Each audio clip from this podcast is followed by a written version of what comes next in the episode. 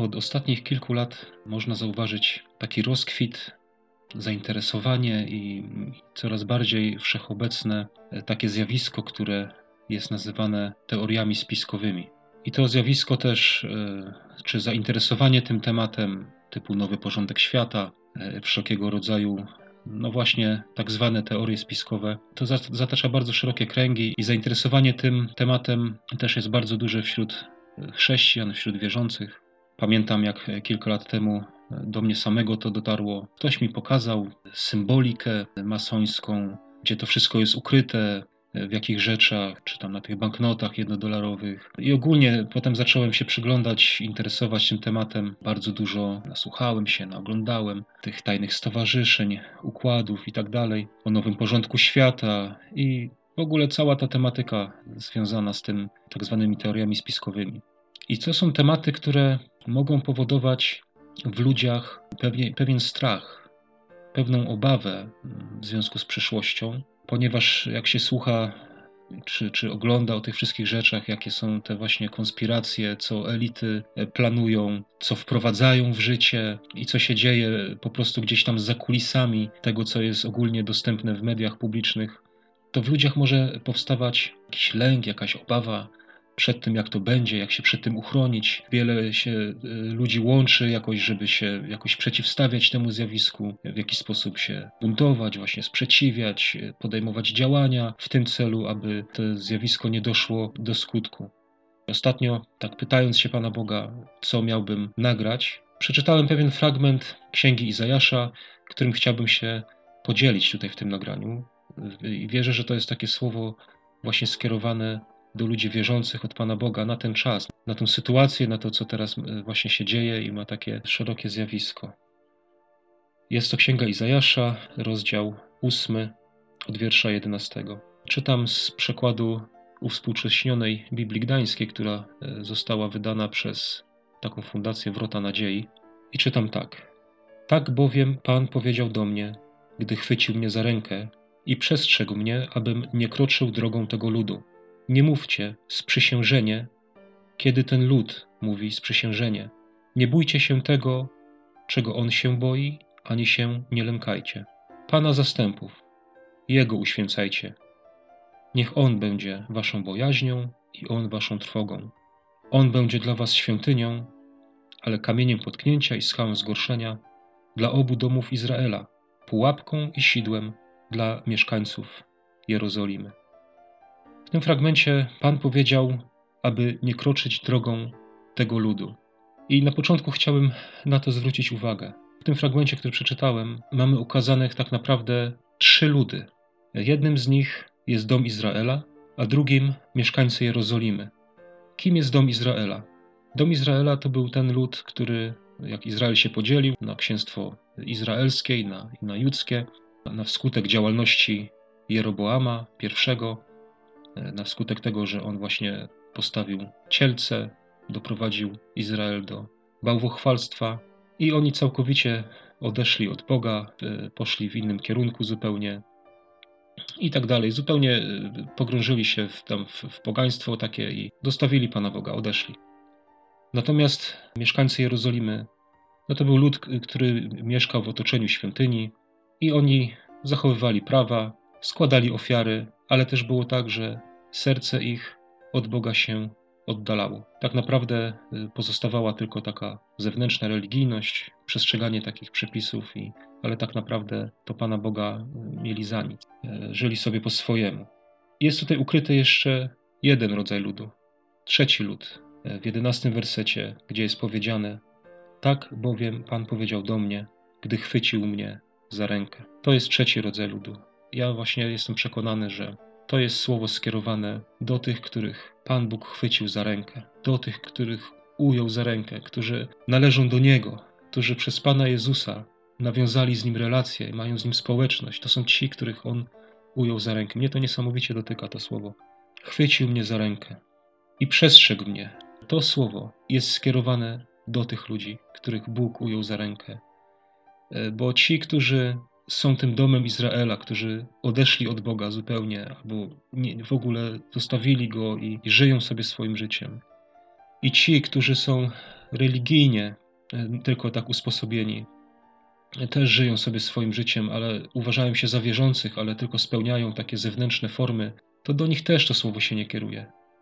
Natomiast tutaj mamy słowo skierowane od Pana do tych, którzy prawdziwie są Jego ludem. I do tych Pan Bóg właśnie mówi: Nie krocz drogą tego ludu.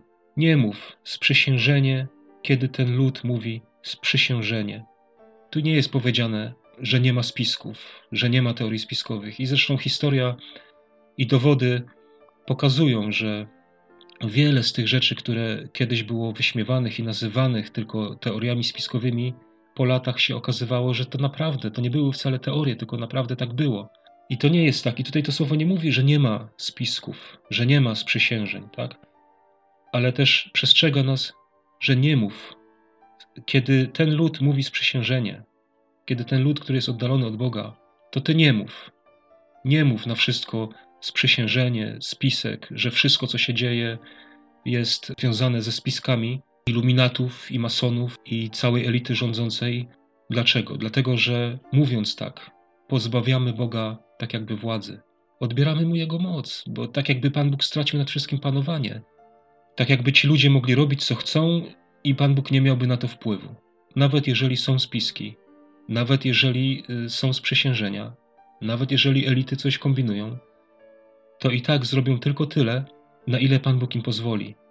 Dlatego jest powiedziane: wszystkiego nie nazywaj spiskiem. Nie przypisuj wszystkiego ludziom, którzy służą szatanowi. Nie przypisuj tego wszystkiego tym ludziom, bo oni i tak mogą zrobić tylko tyle, na co im Pan Bóg pozwoli, i oni mogą się okazywać tylko i wyłącznie, nawet bez swojej wiedzy, narzędziami Bożymi do tego, żeby historia świata była poprowadzona według Bożego planu. Także nie wszystko nazywajmy sprzysiężeniem. I drugą rzeczą tutaj jest i nie bójcie się tego, czego on się boi, ani się nie lękajcie. Kolejne słowo do, do tych, których Pan ujął za rękę. Nie bój się tego. Możesz słyszeć, Pan Jezus powiedział, wojny, wieści wojenne.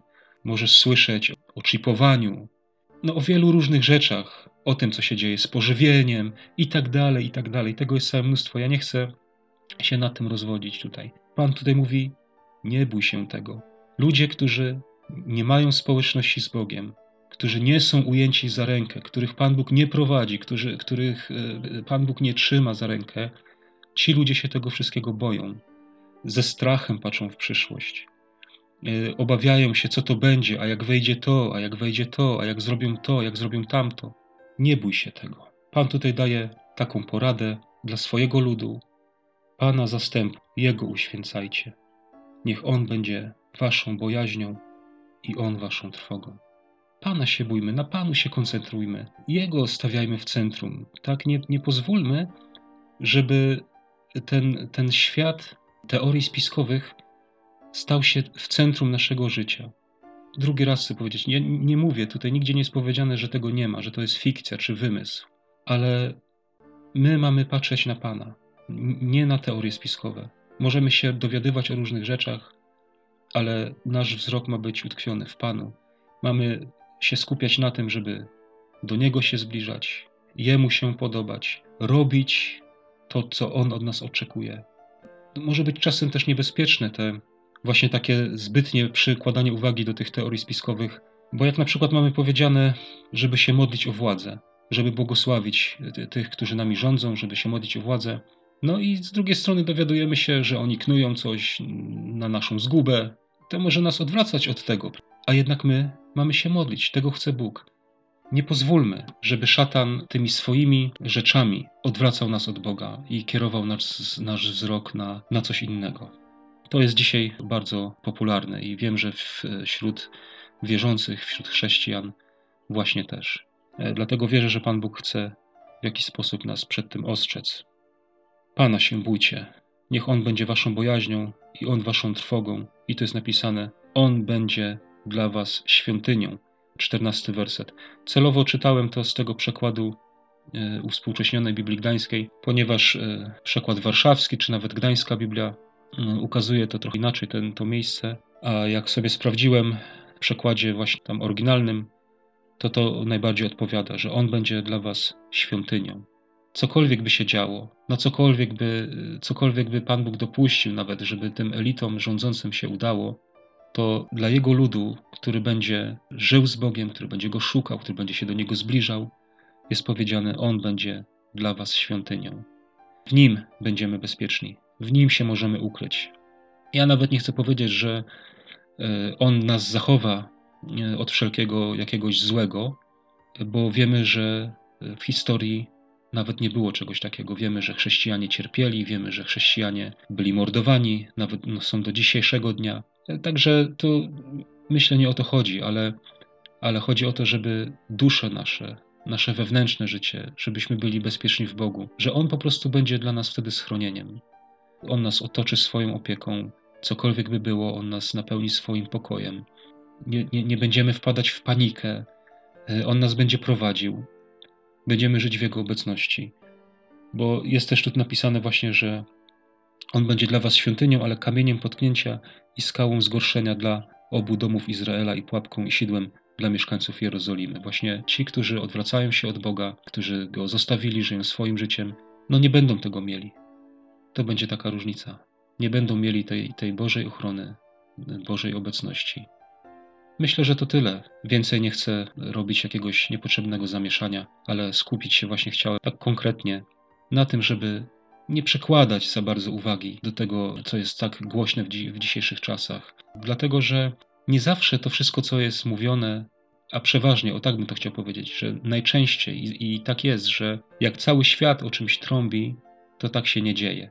Na przykład ostatnio było tak głośno 23 e, września jakaś tam miała być specjalna konstelacja, układ gwiazd i ile było paniki w całym internecie, że coś się wydarzy, że coś ma być, że to jest to, co napisane w objawieniu.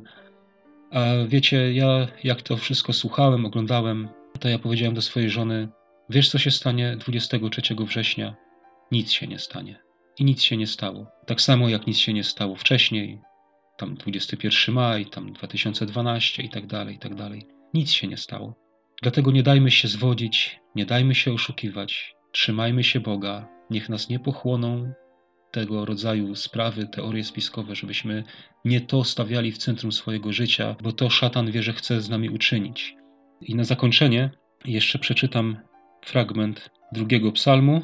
Dlaczego poganie się buntują, a narody knują próżne zamysły? Królowie ziemscy powstają, a władcy naradzają się wspólnie przeciwko Panu i Jego pomazańcowi, mówiąc: Zerwijmy ich więzy i zrzućmy z siebie ich pęta. Lecz ten, który mieszka w niebie, będzie się śmiał. Pan będzie z nich szydził.